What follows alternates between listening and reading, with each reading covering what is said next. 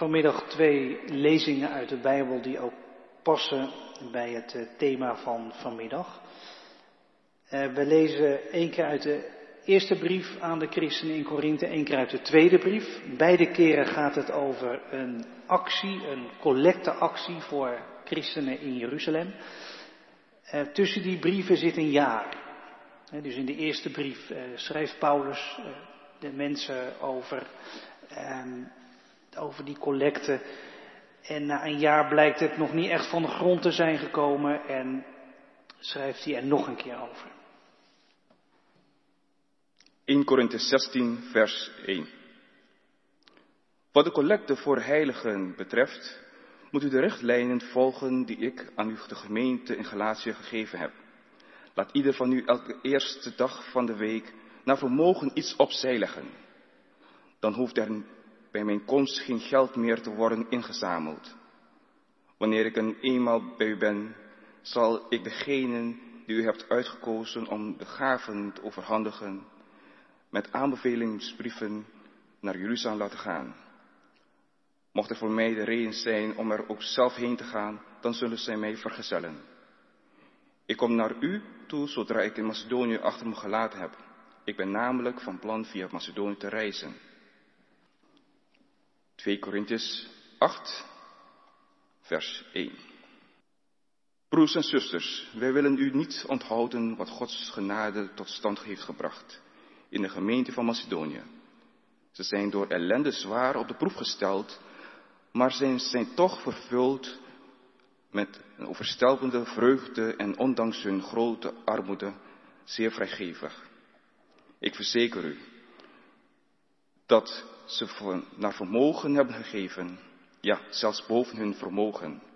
Uw eigen beweging hebben ze ons dringend verzocht mee te mogen doen aan de collecte om de heiligen in Jeruzalem te ondersteunen. En ze gaven aanzienlijk meer dan we hadden verwacht. Door Gods wil gaven ze zichzelf in de eerste plaats aan de Heer en vervolgens ook aan ons. We hebben dan ook bij Titus op aangedrongen dat bij dit goede werk waarmee hij bij al goed u begonnen is, voltooid. U blinkt in alles uit, in geloof, in kennis en welsprekendheid, in inzet op elk gebied, in de liefde die wij in u hebben gewekt. Blink dus ook uit in het goede werk. Ik zeg dit niet als een bevel, door op het inzet van anderen te wijzen, wil ik nagaan of uw liefde oprecht is. Ten slotte kent u de liefde die onze Heer Jezus Christus heeft gegeven. Hij was rijk, maar is omwille van u arm geworden, opdat u door zijn armoede rijk zou worden. In uw eigen belang raad ik u het volgende aan. U hebt al een jaar geleden een begin gemaakt met de collecte. En bovendien toonde u dan u graag wilt meedoen. Rond deze nu dan ook af met dezelfde bereidwilligheid als waarmee u begon. En geef daarbij naar vermogen. Als u namelijk bereidwillig geeft van u, wat u hebt, worden uw gaven met vreugde aanvaard. U hoeft niet te geven van wat u niet hebt. Het is niet de bedoeling dat u door de anderen te helpen zelf in moeilijkheden raakt. Er moet evenwicht zijn. Op dit moment lenigt u met uw overvloed de nood van de heiligen in Jeruzalem, zodat zij later met hun overvloed uw nood kunnen lenigen. Zo is er evenwicht. Zoals geschreven staat, hij die meer had, had niet te veel. Hij die minder had, had niet te weinig. Dit is het woord van God. Gemeente van Jezus Christus. Elke derde zondagmiddag van de maand is er een zogenaamde kerndienst. Ik zei het al aan het begin van de dienst, waarin we geloofsthema's uh, aan de orde stellen. En dit seizoen volgen we dus de liturgie van de kerkdiensten, alle onderdelen die daarin voorkomen. En je zou liturgie heel zakelijk het programma van de kerkdienst kunnen noemen. Het bevat alle onderdelen van de dienst. Maar dat is een, uh, een beetje een magere definitie van liturgie. Liturgie komt van het Griekse woord liturgia. En dat betekent dienst voor het volk. Eh, in de Griekse oudheid was het zo dat vermogende burgers, die werden geacht om goede dingen te doen, te bekostigen voor het algemeen belang. En dat noemde je liturgie. En daarnaast kon liturgie in die cultuur ook betekenen de dienst namens allen in de tempels, de dienst van de priesters. En dan komt het natuurlijk in de buurt eh, van onze diensten terecht. In het Oude Testament en Nieuwe Testament wordt het ook zo gebruikt. Liturgia, liturgie, voor de dienst in de tempel. Uh, wat, je, wat je eigenlijk niet ziet in het Nieuwe Testament, is dat je dat woord gebruikt zoals wij dat doen voor de gang van zaken in de kerkdienst. Uh, misschien één keertje in handelingen. Het wordt wel gebruikt, dat woord, voor het dienen van God in je dagelijks leven. Paulus gebruikt dat woord wel eens zo. Liturgie is het dienen van God in je dagelijks leven. Uh, Paulus gebruikt het woord liturgie ook uh, voor het helpen van elkaar als christenen. En in het stuk wat wij lazen uit 2 Korinthe gebruikt hij het woord liturgie voor de collecte. Dat is dan bij ons vertaald als collecte, maar eigenlijk staat er ook weer dat woord liturgia, liturgie. Maar goed, ook al gebruiken wij het woord net iets anders bij ons. Wij gebruiken het dus voor de gang van zaken in de dienst. En Paulus eh, vooral voor het goede leven waarmee je God dient en de mensen. Maar dat heeft natuurlijk alles met elkaar te maken. Wat wij in de liturgie doen, is een oefening uh, voor het dienen van God in het leven van elke dag.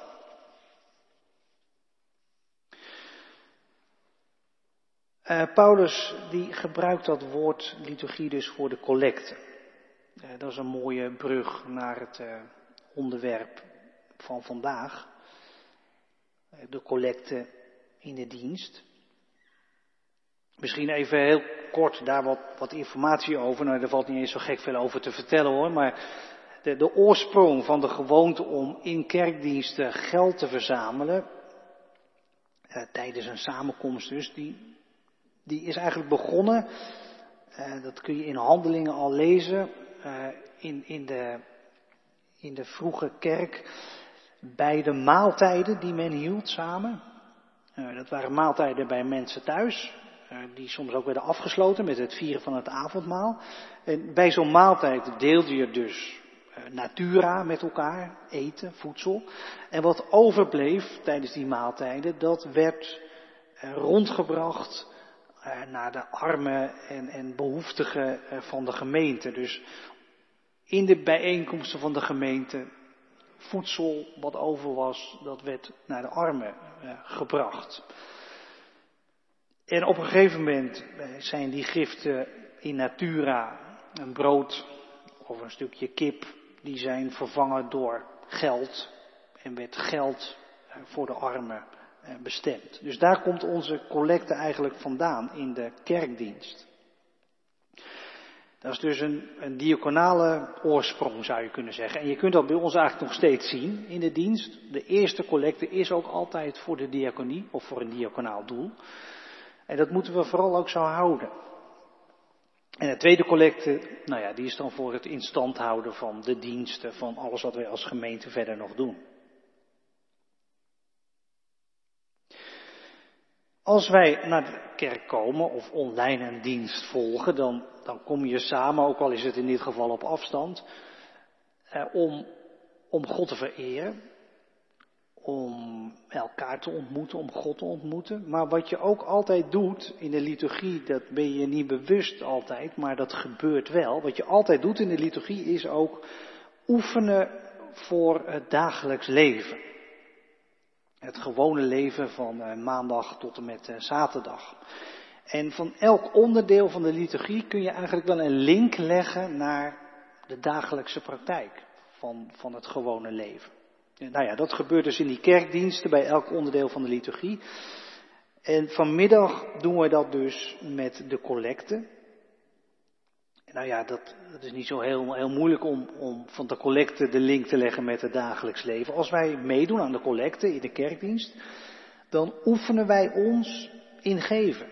In het toewijden van onszelf en van wat wij hebben, eh, dat toewijden aan God. In dienst stellen van God en van wat God met mensen wil. Eh, daar ben je je vast niet altijd van bewust. Ehm, meedoen met de collecte, dat zakje doorgeven, ja, dat is eigenlijk al iets wat geschiedenis geworden is bij ons natuurlijk. We doen nu digitaal mee en dat zal waarschijnlijk ook wel zo blijven. Maar dat zakje, dat kon je zo heerlijk uh, doorgeven zonder dat je het door had en je stopte er wat in en je maakte nog eens een praatje met je buurman. Maar, maar wat je eigenlijk doet, en daar kunnen we ons best wel wat meer bewust van zijn, wat je eigenlijk doet is, is oefenen in toewijding. Je doet aan de collecte niet mee uit een soort plicht of een gewoonte. Wat jij geeft in die collecte, dat staat symbool voor jouzelf. Voor wie jij bent, voor wat jij kunt, voor wat jij bezit. Dus met het geven van een gift aan de collecte zeg je eigenlijk tegen de Heere God, hier ben ik, God, ik stel mijzelf beschikbaar met wie ik ben, met wat ik kan, met wat ik heb. Beschikbaar voor u, om u te dienen. Beschikbaar voor uw plannen met de mensen om mij heen, voor de wereld waarin ik leef. Dat, even heel kort samengevat, is meedoen met de collecte. Oefenen in jezelf beschikbaar stellen. Tegen God zeggen met die gift, ik ben beschikbaar om u te dienen. Om mensen te dienen. Om te geven van wat ik heb. Goed, dat eventjes als wat uh, informatie over de collecte in de liturgie en over liturgie zelf. Uh, toen ik uh, dit voor zat te bereiden en zat te denken, wat voor bijbelgedeelte zouden wij nou vanmiddag goed kunnen gebruiken om, om nog iets dieper te gaan, wat verder dan wat algemene informatie over collecte in de dienst.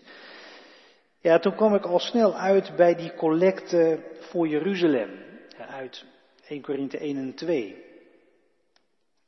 sowieso om, omdat Paulus daar heel praktisch schrijft over geven in het algemeen. En, en ook nog omdat hij dat geven dus koppelt aan, aan zondag. Daar zal ik zo nog even op ingaan. En, en het gaat dus eh, om een collecte voor de gemeente in Jeruzalem. Kijk, die, die gemeente in Jeruzalem, die was heel klein en kwetsbaar. Uh, al heel snel, dat kun je in het Bijbelboek Handelingen lezen, uh, komen er vervolgingen en vluchten mensen de stad uit. Blijft een klein clubje over. En ja, die hebben hulp nodig, uh, financiële hulp. En Paulus is dus bezig met een actie in gemeentes in Griekenland en in het huidige Turkije om de christenen in Jeruzalem te steunen. Hij schrijft daar dus over in 1 Korinthe 16, 2 Korinthe 8. En ik heb gewoon even een, een, paar observaties op een rijtje gezet, eh, wel geteld uh, vier geloof ik. Ja, vier observaties, kun je meetellen. Um, die wij denk ik kunnen gebruiken voor, voor ons geven. Voor meedoen met de collecte in de diensten, maar ook voor, voor een gevend leven. De eerste observatie is dit. Paulus die zegt in 1 Corinthië 16 vers 2, laat ieder van u elke eerste dag van de week naar vermogen iets opzij leggen. Dus het idee is dat je op zondag, de dag dat Jezus opstond uit de dood, de dag waarop al heel vroeg in de kerkgeschiedenis christenen samenkwamen, dat je op die dag thuis iets apart legt. Dat je, zeg maar, gaat sparen voor het goede doel, zegt Paulus. En als ik dan zelf langskom, dan hoeven we niet heel veel eh, in het werk te stellen om, om, om geld bij elkaar te krijgen. Dan is het er gewoon al. Dan ligt het er ook al. Dan kan het zo naar Jeruzalem worden gebracht. Wat ik daarin zie, of wat ik daarin lees, is, is dat Paulus sowieso natuurlijk een heel praktische, uh, uh, praktische aanwijzing geeft, maar dat hij ook geven aanprijst als een gewoonte, zou je kunnen zeggen. Door dat elke zondag te doen. En dat lijkt mij een hele goede richtlijn. ook voor onszelf. Dat je geven niet tot iets uitzonderlijks laat zijn. Bijvoorbeeld alleen als er iemand aanbelt thuis met zo'n collectebus. Dat komt toch bijna nooit uit. Je zit net te eten of je hebt geen contant geld. En nou ja, hier heb je nog 50 cent, weet je wel. Dan komt geven ook niet echt van de grond. Maar als je nou geven als gewoonte hebt. En je maakt een plan. Desnoods aan het begin van het jaar. Maak je een plan. En zeg je nou, die doelen ga ik steunen dit jaar. En, en dan leg je daar iets voor opzij. Of, of je maakt het over elke maand of elke week of hoe vaak je dat ook maar wil doen. Dat gaat in onze tijd heel makkelijk. Kijk, in Paulus' tijd was dat natuurlijk ingewikkeld. Hè? Dan moest je het geld fysiek naar het goede doel toe, toe brengen. Moest je reizen naar Jeruzalem met een kist met geld. En die mensen zelf, die moesten dus van tevoren het opzij leggen in een potje in het aardskastje. Maar bij ons gaat het natuurlijk heel makkelijk. Als wij gewoon een plan maken, geven is een gewoonte, dan kun je dat zo regelen. Dat hoef ik je niet uit te leggen. En die zondagse collecte, die kan je dus heel goed helpen om, om van geven een gewoonte te maken. Door elke zondag dat weer tegen te komen, leer dat ook gewoon. Ook heel onbewust. Dat geven normaal is. Geven is normaal. En je leert een gewoonte die ook, ook veel breder is dan, dan alleen geven van geld. Als je leert om te geven, dan kun je ook tijd geven of aandacht of liefde of de inzet van de gaven die je hebt. Om het goede dat God jou gegeven heeft door te geven aan mensen. Zeker aan mensen die dat heel erg nodig hebben. Nou, dat was één. Eén observatie uit die eh, Korinthebrieven. Maak van geven een gewoonte. En, en gebruik die zondagse diensten van ons om die gewoonte te oefenen. Doe dat ook bewust. Een tweede observatie die ik deed is eh, deze. Eh, laat je inspireren. In 2 Korinthe 8 eh, schrijft Paulus een jaar later dus nog een keer heel uitgebreid over die collecte. Ik zei al bij de aankondiging van de lezing, blijkbaar was het al dus niet echt van de grond gekomen. Zoals wel vaker natuurlijk, met een actie, dan denk je nou, goed plan, mooi doel, mooi idee, zouden we moeten doen. Uh, maar ja, als het bij goede voornemens blijft, dan, dan schiet het niet zo op. En, en je leest dat Paulus zegt, en misschien bedoelt hij dat wel een beetje spottend, dat denk ik eigenlijk, tegen die christenen in Korinthe. Jullie zijn zulke fantastische gelovigen. In de eerste brief van Korinthe kun je lezen dat die christenen dat ook dachten. Die vonden zichzelf echt fantastisch. Die, die waren helemaal in de weer met tongentaal en dat waren topchristenen. Eh, maar Paulus, die kijkt er heel anders naar. Die zegt, jullie maken ruzie, dit klopt niet bij jullie, dat gaat fout. Nou schrijft hij in 2 Korinthe 8, dus jullie zijn topchristenen. In alles blinken jullie uit, zegt hij. Nou, zorg nou dat je ook op dit punt gaat uitblinken. Door te geven. En dan probeert hij hen daarvoor eh, warm te maken door een goed voorbeeld te noemen van de christenen in Macedonië. Dat zijn gemeenten, zegt Paulus. Daar zijn de mensen ontzettend arm. Maar ze hebben ontzettend gul met deze actie meegedaan. En misschien dat jij, dat u, dat je ook wel van dat soort voorbeelden kent. Soms kom je mensen tegen die zijn gewoon enorm gul. Het zit misschien al in hun karakter. Gewoon van die vrijgevige mensen. En het zou best wel eens kunnen dat dat, dat, dat het vaakst nog mensen zijn die zelf niet zoveel hebben. Ik weet niet of het echt zo op gaat hoor, maar misschien is het wel zo dat hoe minder je hebt, hoe guller je soms bent. Dat zou best wel eens kunnen. Maar misschien ken je ook wel zo iemand. Echt zo'n zo'n gul, gunnend type die gewoon uitdeelt, meegeeft. Nou, denk gewoon zo nu en dan eens aan die figuur. Laat je erdoor inspireren. En als je meedoet aan een collecte, op zondag bijvoorbeeld, dan kun je ook best even denken aan zo'n inspirerend voorbeeld. En nou is het overigens zo dat, dat Paulus dat goede voorbeeld eh, niet zo beschrijft dat hij die, die gemeente, die christenen in Macedonië als een soort superchristenen zit te beschrijven. Hij, hij zegt dat wat zij doen eh, een effect is van Gods genade. Dus dat is natuurlijk best apart dat Paulus dat zo, zo opschrijft. Dus die, die vrijgevigheid, die, die komt eigenlijk niet eens, dat is niet eens karakter, zou ik maar zeggen. Dat, dat is effect van Gods genade. En, en dan sluipt het misschien ook wel in je karakter, maar het komt bij God vandaan. En de giften die zij geven, noemt hij in het Grieks ook charis, genadegaven. En dus die mensen hebben van God heel veel ontvangen. Genade, liefde, vergeving, Gods aandacht, Gods acceptatie, Gods gulheid. Ja, en dat komt er bij die mensen weer uit. Zo, zo werkt dat. Daar kom ik nog even op terug. Um, nu ook al eventjes, uh, zie ik, uh, bij, bij de derde observatie die ik uh, heb gedaan.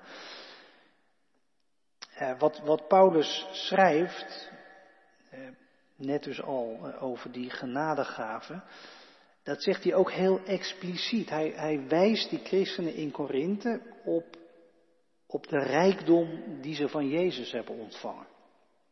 Paulus zegt, uh, ik, ik, wil jullie niet, niet dwingen, van je moet geven en doe wat in die collecte. Nee, zegt Paulus, uh, ik wil weten of je liefde oprecht is. Of er liefde is voor elkaar, voor Jezus, voor God. Paulus zegt tegen hen, je hebt toch zelf ervaring opgedaan van de liefde van Jezus. Jezus die zijn rijkdom opgaf, onze armoede deelde, zodat wij rijk in Hem konden worden. Ja, als je, als je zo met, met geven aan de slag gaat, dan, dan kom je in een, in, een ander, in een ander soort categorie, denk ik haast. Geven kun je natuurlijk in het vakje verplichting, moeilijk, eh, lastig, hoeveel. Ehm, in dat vakje kun je geven stoppen. Maar geven, geven hoort volgens Paulus eigenlijk in een ander hoofdstuk thuis. Geven hoort thuis bij, bij overvloed. Je bent in Jezus rijk, zegt Paulus. Dat weet je toch ook, dat weet jij toch ook wel en u. Je bent in Jezus rijk. Dus geven is, is gewoon uh, je deurtje openzetten en, en dan, komt, dan komt het er gewoon uit eh, wat je van God ontvangt. Dus dat is eigenlijk niet eens zo ingewikkeld. En als wij op zondagen in die dienst meedoen met de collecte, dan, dan oefen je dat dus. Hè? Want in, in zo'n dienst gaat het heel vaak over wat, wat je in Jezus hebt ontvangen. Eigenlijk altijd, expliciet of impliciet. Dus in de setting waarin het gaat over God, Gods goedheid, wie God voor je is, in die setting geef je iedere zondag. Dat, dat doet iets met je, op zijn minst onbewust.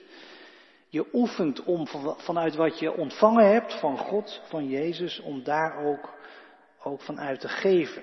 In die collecte op zondag en, en van de zondag komt dat zo in je dagelijks leven terecht, denk ik. En dat was de, de derde observatie. Dus, dus één, uh, geven als gewoonte. Twee, uh, laat je inspireren door, door goede gevers. Drie, geven is de rijkdom die je ontvangen hebt van Jezus doorgeven. Reactie op Gods liefde. Geven is een reactie op Gods liefde. En vier tot slot, dat is nog een hele andere observatie. Um, daar schrijft Paulus eigenlijk twee keer over, zowel in 1 Korinthe als in 2 Korinthe. Dat is dit dat Paulus uh, zegt tegen de christenen in Korinthe en ook tegen ons. Geef naar vermogen. Uh, dat, dat zou wel eens heel goed uh, het antwoord kunnen zijn op de vraag van hoeveel. Dat is natuurlijk een vraag die bij geven vaak voorkomt, die je misschien zelf ook wel stelt bij jezelf, hoeveel moet ik nou geven? Nou, zegt Paulus, dat mag je dus helemaal zelf weten. Eh, de aanwijzing is, geef naar vermogen. En dan moet je weten dat bij die christenen in Korinthe uh, lag dat ook nog best wel ingewikkeld. Uh, de meeste gemeenteleden hadden geen vast inkomen. Je had misschien een paar havenbaronnen die bedrijf hadden of zo in, in de haven van Korinthe. Eh, die hadden een inkomen, die hadden vermogen, maar, maar de meeste mensen die, die hadden het niet zo breed. Dat kun je ook lezen, zeker in de eerste brieven aan Korinthe. Eh, die leefden flink onder modaal, eh, in de buurt van de armoedegrens, misschien wat daaronder. Je moet je voorstellen, veel mensen waren seizoenarbeider. dus je had werk en inkomen als het seizoenswerken was. En daarbuiten was het sappelen. En anderen waren showers in de haven. dus als er veel te doen was, veel handel, veel schepen, ja, dan, dan, dan was er veel werk. En, en als het wat, wat, inzakte, dan had je dus weinig inkomen. En, en neem al, al de slaven die lid waren van de christelijke gemeente. Die hadden helemaal geen inkomen. Die kregen misschien wel eens wat van hun meester of van klanten van hun meester met wie ze eh, aan het werk moesten. Dus ja, die, die christenen in Korinthe die hadden lang niet altijd een inkomen.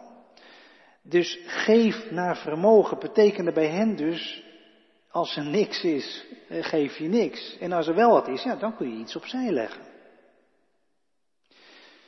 Dus in een week dat zij door God gezegend waren met van alles, konden ze iets opzij leggen.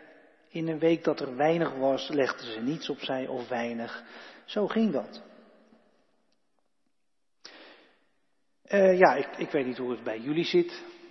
Bij jou. Of je een vast inkomen hebt of weinig. Of dat je leent bij het Rijk om je studie te bekostigen. Maar als het gaat om hoeveel moet je geven, Paulus zegt dus naar vermogen. Geef van wat je hebt.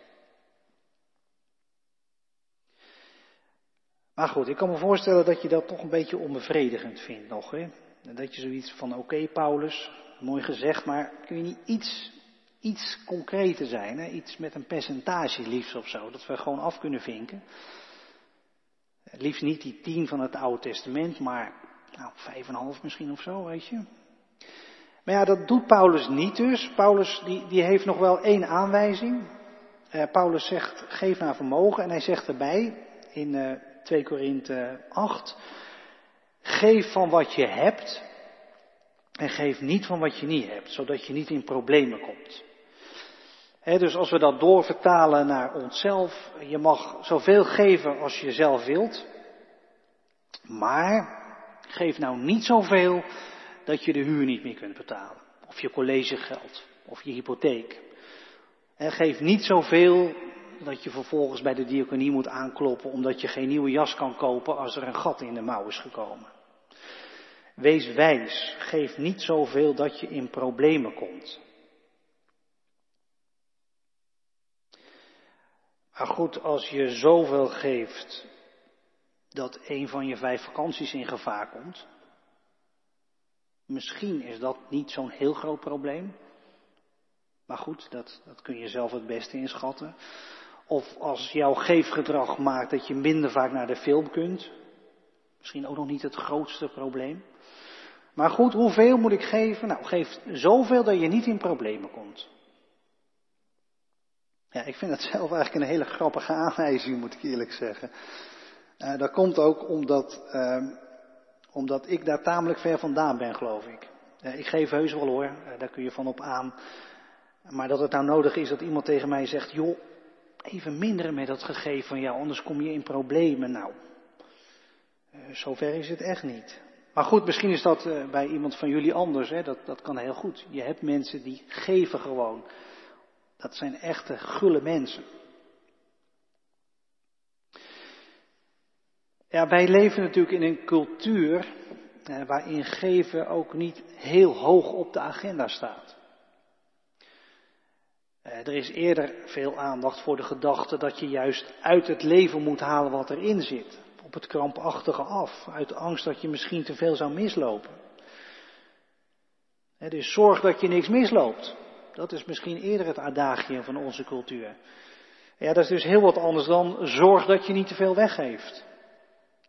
Ja, en die cultuur die zit ook in ons, in onze haarvaten. Maar wij zijn volgelingen van Jezus. Wij bezoeken kerkdiensten, al is het maar online. En in de liturgie van elke dienst oefenen wij een levensstijl die ook tegen de cultuur ingaat en tegen onszelf ingaat. En met de collecte in de dienst oefenen wij dus dat we niet te veel moeten zitten bij dat kijk uit dat je niks misloopt. Maar dat we eerder in de buurt moeten zitten bij, kijk uit dat je niet te veel weggeeft. Dat oefenen wij in elke dienst met de collecte. oefenen wij geven. Want wij horen bij een gulle God. Laten we dat vanmiddag gewoon nog eens eventjes echt bij ons laten doordringen. Kijk, wij leven ons leventje en met regelmaat kiezen we vooral voor onszelf, niet voor de ander. En wij maken nogal eens keuze waar, waarvan de uiteindelijke consequentie is dat ons leven vastloopt, doodloopt. En als wij aan ons lot overgelaten zouden worden, dan, dan loopt ons leven ook uiteindelijk dood. Het loopt op niets uit. En God heeft dat gezien. En God heeft gedacht van jou en van mij, ik laat jouw leven niet doodlopen. En, en daarom is hij gekomen in Jezus. Ja, en, en Jezus heeft het gevoeld uh, hoe donker ons leven kan zijn. En, en hoe fout sommige keuzes van ons zijn. En hoe pijnlijk het is om ons egoïsme te moeten ondergaan. Jezus heeft dat gevoeld. Heeft het ervaren. Heeft eraan geleden. Ontzettend geleden. Hij is het donker ingestapt om jou eruit te halen. En om jou en mij naar het licht te brengen. En hij heeft zich gegeven. Helemaal. Jezus heeft niets achtergehouden. Hij gaf zich compleet. En, en Jezus is God. Aan Jezus zie je precies wie God is. Hij heeft niets achtergehouden. Hij heeft zich gegeven. Met alle liefde, gulheid, zonder voorbehoud. Weet je, Hij is onze God. Wij horen bij Hem. Jezus, Hij gaf zich aan ons. En nu is Hij van ons. Hij is onze Heer. En wij zijn van Hem. Hij is van ons en wij zijn van Hem.